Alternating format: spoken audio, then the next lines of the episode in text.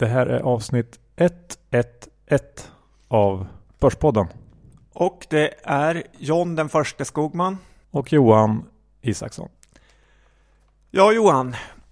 Det är en ny härlig vecka och börsen rör på sig som vanligt. Men vad är det Börspodden avsnitt 111 ska avhandla? Det ska avhandla lite vad som händer i USA. Det ska avhandla en hel del bolag här hemma i Sverige också. Så att eh, det blir väl eh, ja, ett, ett eh, ganska intressant avsnitt tror jag. Ja, ett potpurri på bolag runt om i världen och muthärvor och så vidare. Men innan dess så har vi ju vår sponsor DeGiro att presentera.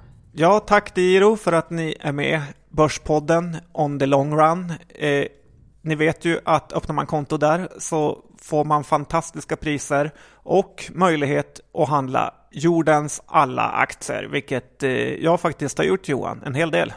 Det har du gjort och det är ju faktiskt en, en eh, fantastisk möjlighet tycker jag. Eh, du la ju ut en bild på din DeGiro-portfölj här i morse på Twitter. Ska vi gå igenom den? Vad har hänt där sen sist? Ja, det är ju att eh, jag har ju handlat lite i Glencore. Mina Volkswagen har ju åkt ner i källaren, men det har jag kompenserat med en vild bettning i det brittisk eh, Hongkong-baserade gruvbolaget. Ja, du har hedgat upp där lite då. Precis. Snyggt. Ja, men det, jag tycker ni också, gå in på digiro.se och öppna ett konto. Det är väldigt kul att se vad de erbjuder. Yes. Nu kör vi igång avsnitt 111.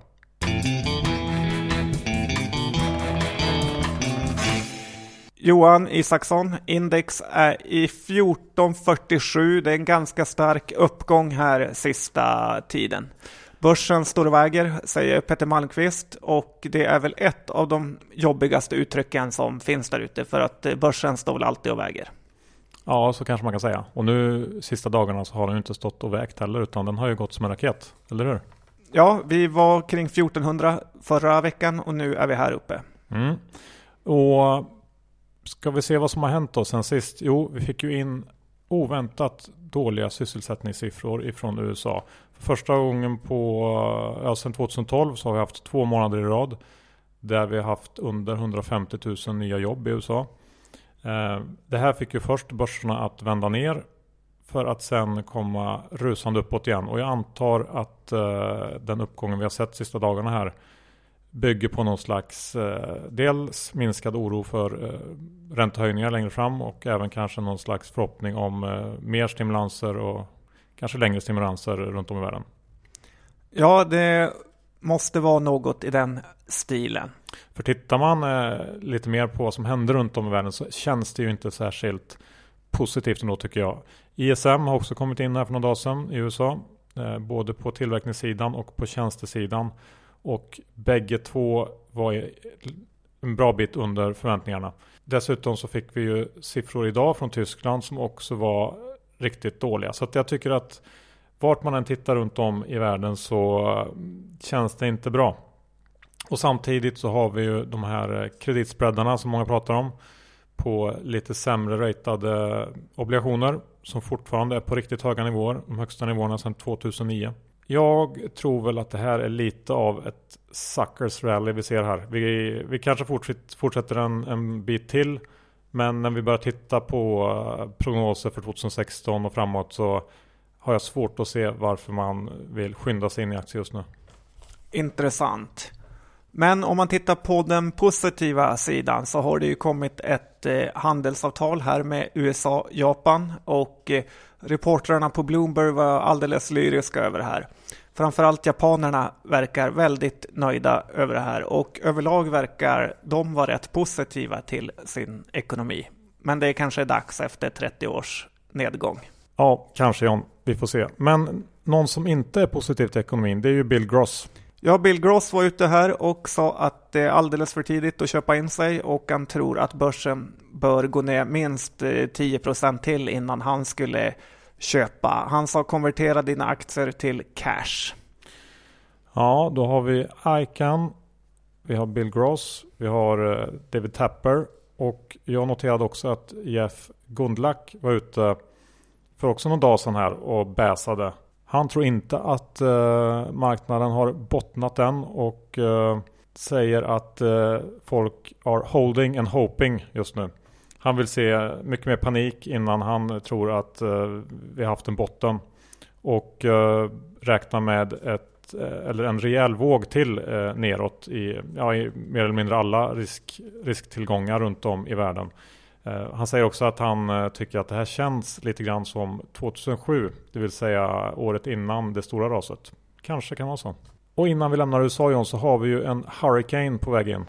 Ja, det är ju orkansäsong i staterna och eh, nu har det varit Hurricane Joaquin som verkar väl inte ha gjort någon större skada. Men det brukar vara väldigt bra att köpa Home Depot, typ Byggmax, det amerikanska Byggmax och eh, sälja sina försäkringsbolag inför sådana här uh, hurrikaner eller hurricanes. Det brukar också vara populärt att skylla dålig tillväxt på sådana. Du, sen har jag också noterat på Twitterfronten här hemma i Sverige att eh, den legendariska Ian Hammar har börjat twittra. Realtids enda stjärnreporter genom tiderna. Ja, och han twittrar ungefär på samma sätt som han skrev eh, realtidsartiklar. Det vill säga väldigt långt och speciellt. Om ni har tråkigt någon dag så kan ni gå in och kolla hans konto. Eh, det är kanske är ingenting man orkar följa i längden men kan vara kul att titta in då och då. Han eh, twittrar mycket om diverse suspekta småbolag eh, som han granskar. Ian Hammar for president.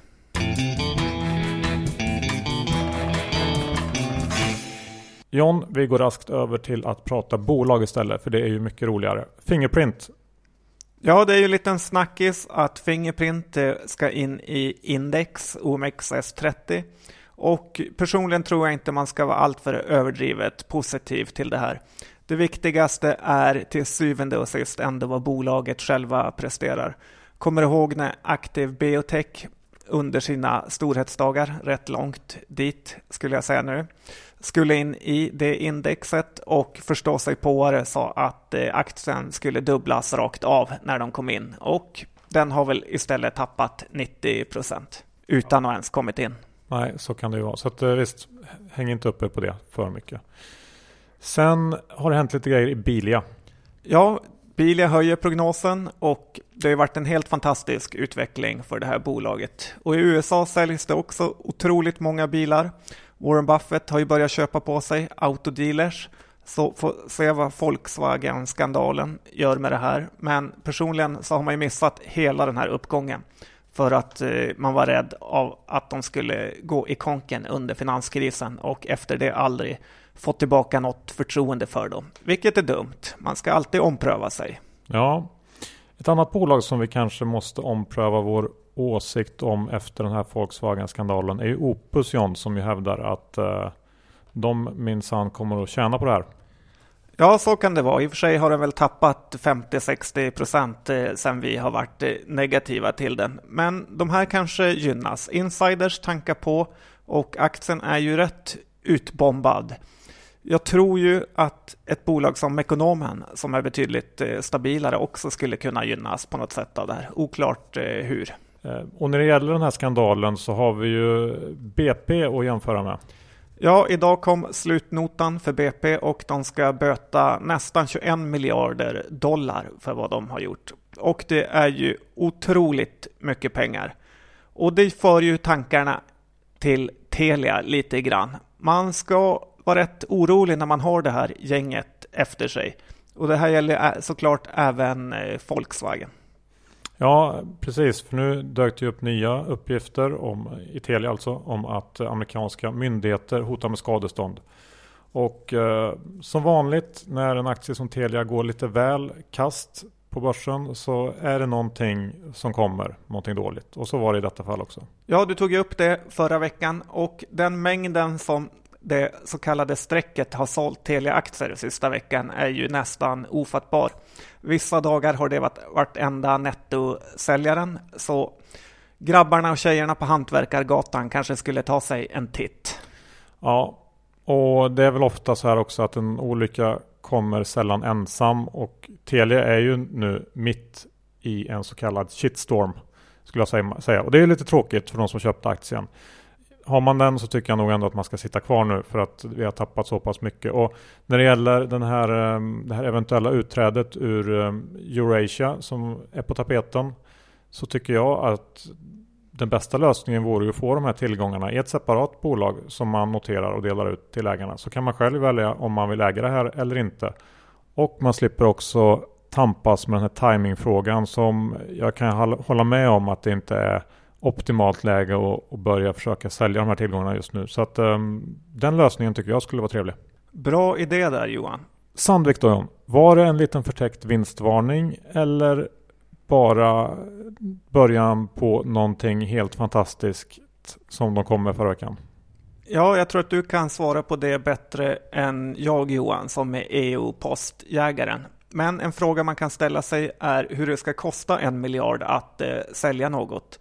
Och kommer det bli några pengar kvar för aktieägarna efter alla EU-poster? Jag personligen tippar ju på rejält minskad utdelning efter eh, det här. Jag tror nog att eh, man smög in en del eh, förluster i den här omstruktureringskostnaden som man annonserar att man tar här i samband med att man ska sälja mining systems. Många banker och analytiker ser jag nu är ganska, eller rejält eh, positiva till vad som händer i Sandvik och är rätt upphåsade på den här aktien.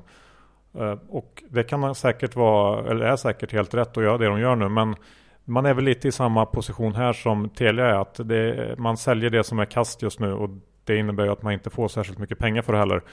Dessutom så känns det ju som att verkstad som helhet inte är sådär kul alls egentligen. Så att, eh, att börja håsa upp sig på sådana här case tycker jag känns eh, lite fel ändå. Jag skulle ändå vara försiktig med Sandvik. Dessutom har den ju studsat över 10% sedan botten förra veckan. Ja, och det finns ju inget sikte i råvarubäsen faktiskt. Och John, när vi ändå är inne och snackar verkstad så noterade jag att här i morse kom det ut att eh, Swedbanks analytiker hade varit med på en sån här eh, investerarkonferens eller eh, analytikerkonferens nyligen. Och eh, där Alfa Laval guidat för att um, orderingången på stora beställningar under kvartalet hittills har varit uh, lägre än förväntat. Det här går ju inte riktigt uh, i linje med vad man sa i Q2-rapporten där man guidade för en oförändrad efterfrågan. Eh, det låter ju som att eh, bolaget helt enkelt har guidat för lite sämre utveckling på, på orderingången helt enkelt. Och eh, det här skriver Swedbank i sitt analysbrev idag tisdag morgon. Jag tycker än en gång att det här är jättekonstigt att man gör så här. Om det nu är så att analytikern har fått intrycket av att eh, bolaget guidar ner, då är det ju rimligen någonting som man bör gå ut till hela marknaden med samtidigt. Eller vad tycker du John? Men då är det inte analytiker massage Johan? Ja, jag vet inte. Jag, jag stör mig på det något ofattbart. Nu går vi vidare så att jag blir gladare John. Vi pratar om Saab istället. Ja, krig. Då förstår jag att du blir glad. Det är ju Syrien, det är krig i Afghanistan, det är krig i Afrika, i Ukraina. Och eh, krig har alltid funnits och kommer förmodligen alltid att finnas, tyvärr. Och där finns Saab med sina Carl Gustav och JAS Gripen-plan och kommer tjäna pengar under en lång, lång, lång tid framöver. Så vi har ju även hört många smarta personer out there som har börjat fylla upp lagret. Ja, Saab eh, kan vara en lite mer defensiv och intressant aktie att ha ögonen på nu. Dessutom så går vi ju snart in i slutet på året som brukar vara ett fin, en fin period för Saab då många order trillar in. Sen har vi kanske den roligaste nyheten och det är att Interfox Resources polisanmäler bloggaren Bjärn för att han bullshittat eh, deras affärer. Och om man ska prata sandlåda så kan man byta ut det ordet mot det här. Jag är helt oinsatt i bolaget och eh, man ska ju självklart inte komma med falska påståenden som de säger att den här bloggaren har gjort. Men hans trovärdighet är ju kolossalt låg och de kommentarer han har fått på sina inlägg får en att eh, skratta rätt länge. Om du skulle jämföra Björn med någon annan eh, börssnackare, vem skulle du sätta likhetstecken med ungefär? Ja, men då skulle jag nog tänka mig att eh, Catella polisanmälde frukten för att reda ut det väldigt oklara rättsläget som ligger där. Hur, hur rankar du Dollar-Janne i de här sammanhangen? Ja, men han är någonstans mittemellan. Ja. Bra, nej, jag håller med. Det där var ju väldigt märkligt. Nu lämnar vi det och går över till eh, ett bolag som eh, vi från stund till annan varit lite intresserade av. Vilket visat sig vara helt fel. Jag pratar om Seamless John. Ja, Seamless. Jag tycker att deras idé har varit bra. Jag tycker att eh, det här borde användas mer. Jag är förvånad att det inte gör det. Till exempel skulle man kunna använda det här till att låsa upp betalartiklar på nätet som man vill läsa eftersom man inte vill bli medlem i Aftonbladet, The Sun, Financial Times och så vidare. Utan man skulle kunna bipa skärmen och sen låste den upp sig. Jag har nu provat att handla på både Donken och eh, Burger King och det har eh, inte fungerat utan de i kassan säger att de har slutat använda det här även om etiketten finns framme. Så det verkar som att eh, loppet är kört lite grann för Simlas eller? Det är i alla fall väldigt eh, stor uppförsbacke Johan just nu. Trist, trist. Sen måste vi också nämna förra veckans Evolution Gaming-rek i veckans aktie som fick aktien att falla med 10% och en miljard av värdet blev bortwipad. Känner du sorg för det här? Jag tycker att eh, man ska bara man ska komma ihåg att skilja dels på bolag och aktie. Och sen så tycker jag också, jag, ble, jag blev eh, förvånad över de starka känslorna efter att vi rekommenderat sälj på Evolution Gaming. Eh, ett bolag som värderas så pass högt och det gått så pass snabbt och där man kan hitta en hel del brister så tycker inte jag att det är konstigt att man kan ha åsikten att det här är för dyrt. Eh, och det måste man få ha. Vi fick ju kommentarer på Twitter där folk frågar oss bland annat varför vi inte bara rekar köp så att alla blir glada. Och det är inte så det, är inte så det funkar tycker jag. Utan när vi rekommenderar köp eller sälj på en aktie är det för att vi tycker att antingen det är för dyrt och övervärderat och antagligen kommer att gå ner. Eller någonting som vi tycker ser intressant ut som vi tror ska gå upp. Dessutom John, så noterar jag när jag läser igenom forumen att eh, det är en hel del ilska emot Börspodden för att vi inom situationstecken har förstört aktien och vi har förstört uppgången, eh, hävdar många. Och när det gäller den frågan så kan jag bara säga att i slutändan så är det ju bolaget själv som bestämmer hur bra det kommer att gå för aktien. Eh, kommer bolaget att leverera bra och bättre än vad vi tror så kommer vi ha fel och aktien gå upp. Och vi kan inte på något sätt påverka hur bolaget går och i förlängningen då aktien på lång sikt rör sig. Så det ska man ju också komma ihåg. Nej, och aktier går ju alltid upp och ner. Så att bara reka köp låter konstigt. Ja, vi, vi, får väl se vad som händer i Evolution. Och jag vill också förtydliga där att vi tror ju att det kommer bli en ganska bra rapport. Men uh, nu i Q3. Men att det och mycket mer är inprisat i den här aktien. Eh, vi får väl åter, återkomma och återkoppla helt enkelt vad som händer i just Evolution eftersom det fick så stort eh, intresse och genomslag. Bra sagt. Har vi något mer att säga om spelbolagen när vi ändå är inne på ämnet John?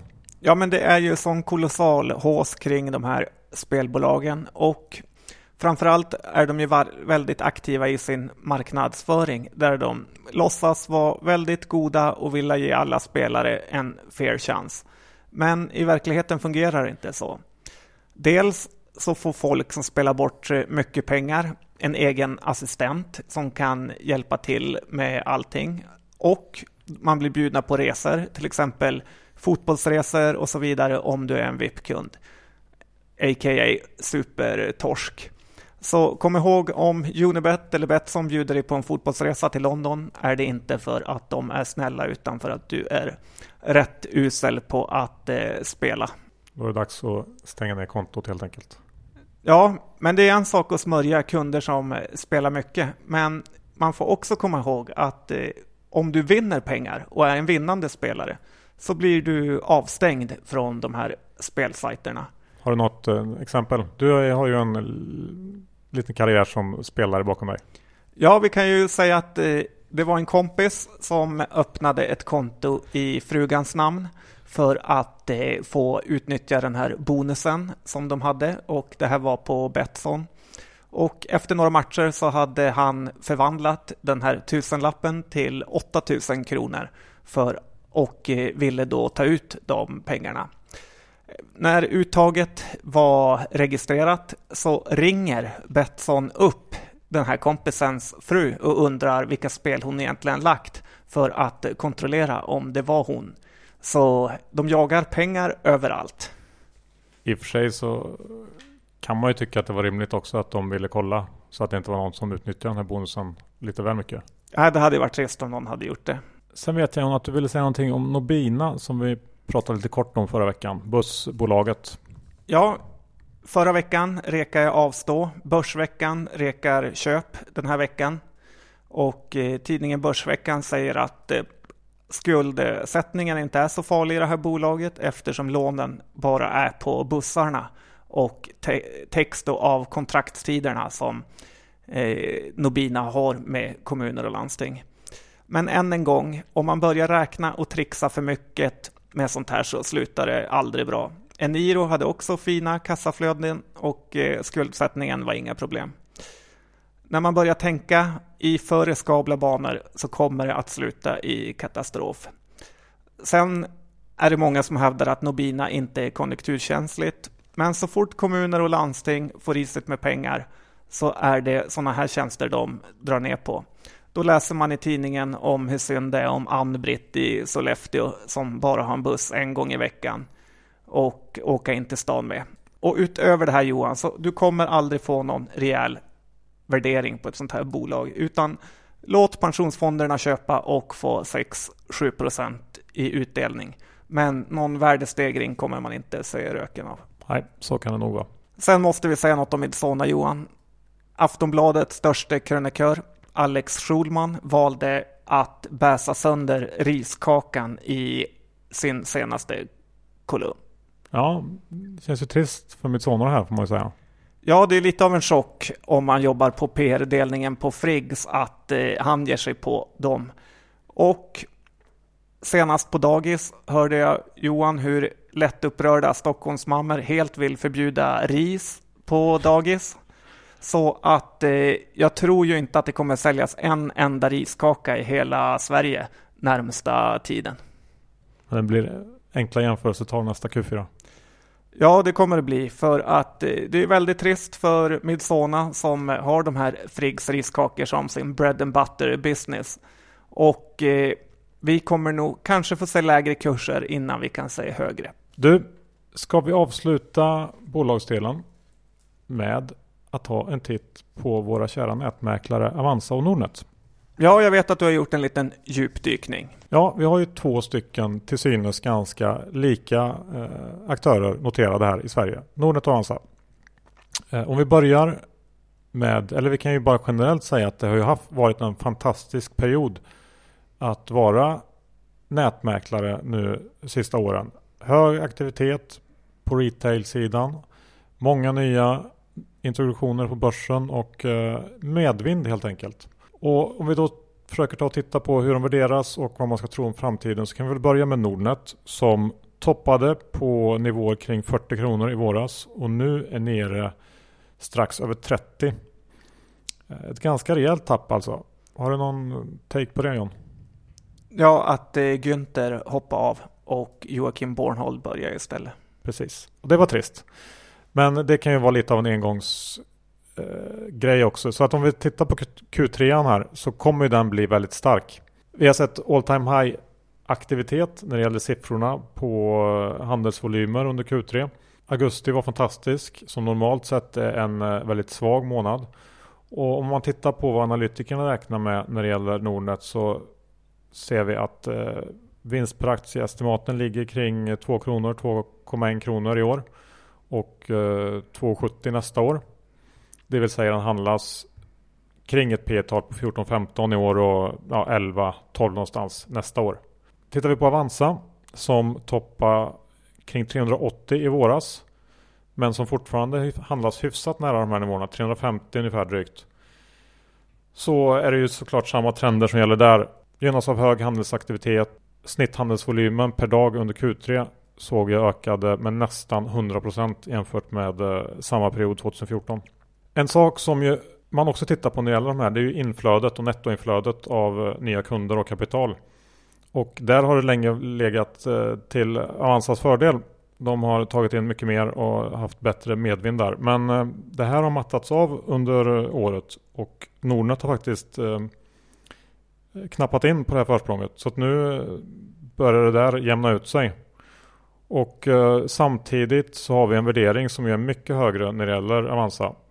Analytikerna har estimat i år på ungefär 13,50 per aktie för Avanza. Och nästa år väntas det stiga till, stiga till 16,70 någonstans där. P 26 respektive 21 för Avanza. Så att eh, värderingen för nästa år då, om man ska tro prognoserna, är ju nästan dubbelt så hög för Avanza jämfört med Nordnet. Och så här har det ju varit ett tag också, att det har varit en rejäl diff däremellan. Men eh, det känns kanske inte riktigt eh, rimligt längre. Vad tycker du? Hur mycket påverkar Nordnets eh, fullån, blankolånen, eh, hur mycket spelar de in? Ja, det där är ju någonting som man ofta pratar om när det gäller Nordnet, att deras eh, räntonetto är lite dopat av en annan riskbild när det gäller utlåning helt enkelt. Och eh, det är klart, det kan ju vara någonting som gör att man drar ner, eh, ja, någonting som man värderar lägre helt enkelt. Helt eh, bra poäng ja.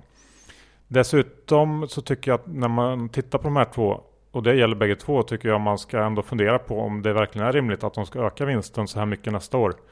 Från ett år som är, ja, måste vara väldigt, väldigt bra för bägge de här spelarna. Kommer vi kunna se ännu mer tryck nästa år? Jag är tveksam. Jag tror nästan att det här kan vara toppåret för både Nordnet och Avanza. Eh, när det gäller eh, i alla fall eh, den courtage och transaktionsbaserade delen av intjäningen. Så att jag, jag, tycker att bägge två så ska man vara rätt försiktig när det gäller prognoserna. Och det gör ju också att ska man verkligen Ska man verkligen värdera framförallt då Avanza till den här typen av multiplar på ett toppår? Känns magstarkt John? Ja det gör det faktiskt och som du sa med nya aktörer som DeGiro och en ständig courtagepress även från de större aktörerna, bankerna, så är det mycket möjligt att eh, vi inte får se några jätteökningar av vinsterna. Dessutom får man ju komma ihåg att aktiviteten i bolag som Fingerprint och eh, Precise som är småspararbolag utöver det vanliga kanske aldrig kommer komma tillbaka på den här nivån. Aktiviteten på börsen eh, efter eh, en börsnedgång är ju ofattbart låg och det kommer ju slå hårt mot både Avanza och Nordnet. Så att äh, det blir en liten varning där för sektorn i stort. Nordnet äh, är ju redan rätt lågt prissatt får man säga. Den, den känns ju ja, nästan köpvärd om man inte var så bäsad som jag är på börsen. Tror man på att vi kan ha en hyfsat bra marknad även nästa år så finns det nog lite uppsida att hämta där. Avanza däremot är ju ett solklart sälj. Och Nordnets hemsida finns det också en hel del att jobba med. Det kanske Peter Jocke kan fixa.